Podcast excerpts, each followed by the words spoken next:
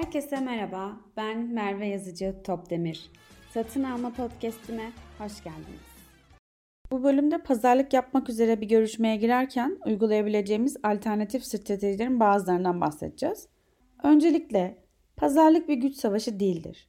İndirim almak, tedarikçiyi ezmek hatta zarar verecek kadar sömürmek sizi iyi bir satın almacı yapmaz. Bunları uzun vadeli stratejisi olmayan, saldırgan ve sadece anı düşünen satın almacılar yapar. Bu yaklaşımda olmanı bekleyen vur, kır, parçala, öldür, elinde ne varsa al getir diyen bir yöneticin olabilir.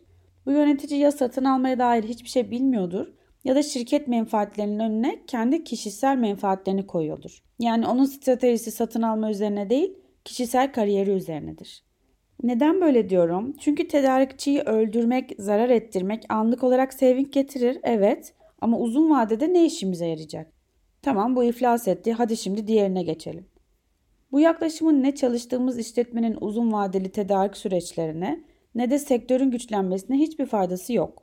Pazarlıkta ben değil biz stratejisiyle yol alarak pekala kazançlı çıkabiliriz. Benim bu söylediğimi destekleyen birçok strateji kitabı veya makale var. İnternet üzerinden araştırıp bulabilirsiniz. Özetle demek istiyorum ki pasta sende, çatal tedarikçilerde. Pastayı yemek için o çatala ihtiyacın var. Şimdi elimde de yerim ne var ki falan deme. Bir metafor kurmaya çalıştım. Aklıma da sadece bu geldi. Ne yapayım? Neyse evet. Toplantı hali, karakter stratejilerimize başlayalım. Bir tedarikçi ile toplantıdasın. Kralcık matrisi vesaire hepsini yaptın. Tedarikçinin yerini biliyorsun. Yani analizinin sonucunda tedarikçin nerede? Bunu biliyorsun. Hazırlıklısın. Şimdi de bürüneceğin karaktere karar vermen gerekiyor. Diyelim ki tedarikçi senin için çok önemli. Olmazsa olmaz. Arayı çok iyi tutman lazım olan bir tedarikçi bu. Pazarda da kritik bir öneme sahip. Bunun yanında yapacağın en ufak bir pazarlık bile senin için çok önemli sonuçlara varacak. O halde bu görüşmeye girerken işbirlikçi bir yaklaşım tavrı takılman gerekiyor. Nedir bu işbirlikçi tavır? Öncelikle pazarlığı tarafsız bir yerde yapabilirsen süper olur. Yani kimsenin kendini daha güçlü hissetmediği bir alanda. Şimdilerde toplantıların çoğu online olduğu için işbirlikçi pazarlıklar adına güzel bir görüşme şekli oluyor. Toplantı süresince ısrarcı ve sert olmadan iki ileri bir geri adım atarak verici bir tutum sergilemen çok önemli. Ama çok da verici değil yani işbirlikçi. Bizim işbirlikçi olduğumuzu karşı tarafta hissedecek ve bu yaklaşımımıza istinaden ortak bir noktada sonuca ulaşabileceğiz. Amacımız gerçekten problem çözmek. Bu sonuçlar iki tarafı da memnun etmesi gerekiyor o yüzden. Karşı tarafa da bunu hissettireceğiz. Karşı taraf da bize güvenecek. Bu güven konusu da çok önemli. Örneğin karşı taraftan bir teklif geldi. Kan beynimize çıktı bu teklifi duyduğumuzda. Sakin kalıyoruz, teklifi alıyoruz, göğsümüzde yumuşatıp farklı bir teklifle cevap veriyoruz. Çünkü biz bir miktar verici olunca karşı tarafta sınırları zorlayıp gerçek tutumumuzun ne olduğunu görmek isteyecek. Görüşmelerde her teklif edilenin gerçek teklif olduğunu düşünmeyin. Biz nasıl zaman zaman blöf yapıyorsak karşıdaki de aynı şekilde bizi zaman zaman deneyecek illaki. Unutma, karşımızda iyi ilişki kurmak zorunda olduğumuz bir tedarikçi var. Bu işbirlikçi tavır iyi insan olmakla alakalı bir şey değil yani. Yaptığımız işlerde ne yazık ki bürünmemiz gereken bir takım roller var. Bu sebeple bazı kişiler için hatta deriz ya ya onu bir dışarıda tanısan çok farklı biri ama iş yerinde böyle davranıyor. İş ortamındaki karakterimiz farklıdır ve bence doğrusu da budur.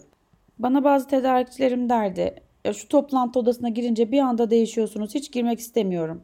Veya bir şirket değişikliği yapan satışçıdan, Merve Hanım siz eskiden çok sert biriydiniz ama şimdi çok ılımlı olmuşsunuz, aman bozulmayın falan gibi şeyler de duyduğum oldu. Bu duyduğuma e, ben değişmedim tatlım, sen benim için daha kritik olan bir işletmeye geçtin diyemiyorum tabii. Bunu duyunca gülüp geçiyorum.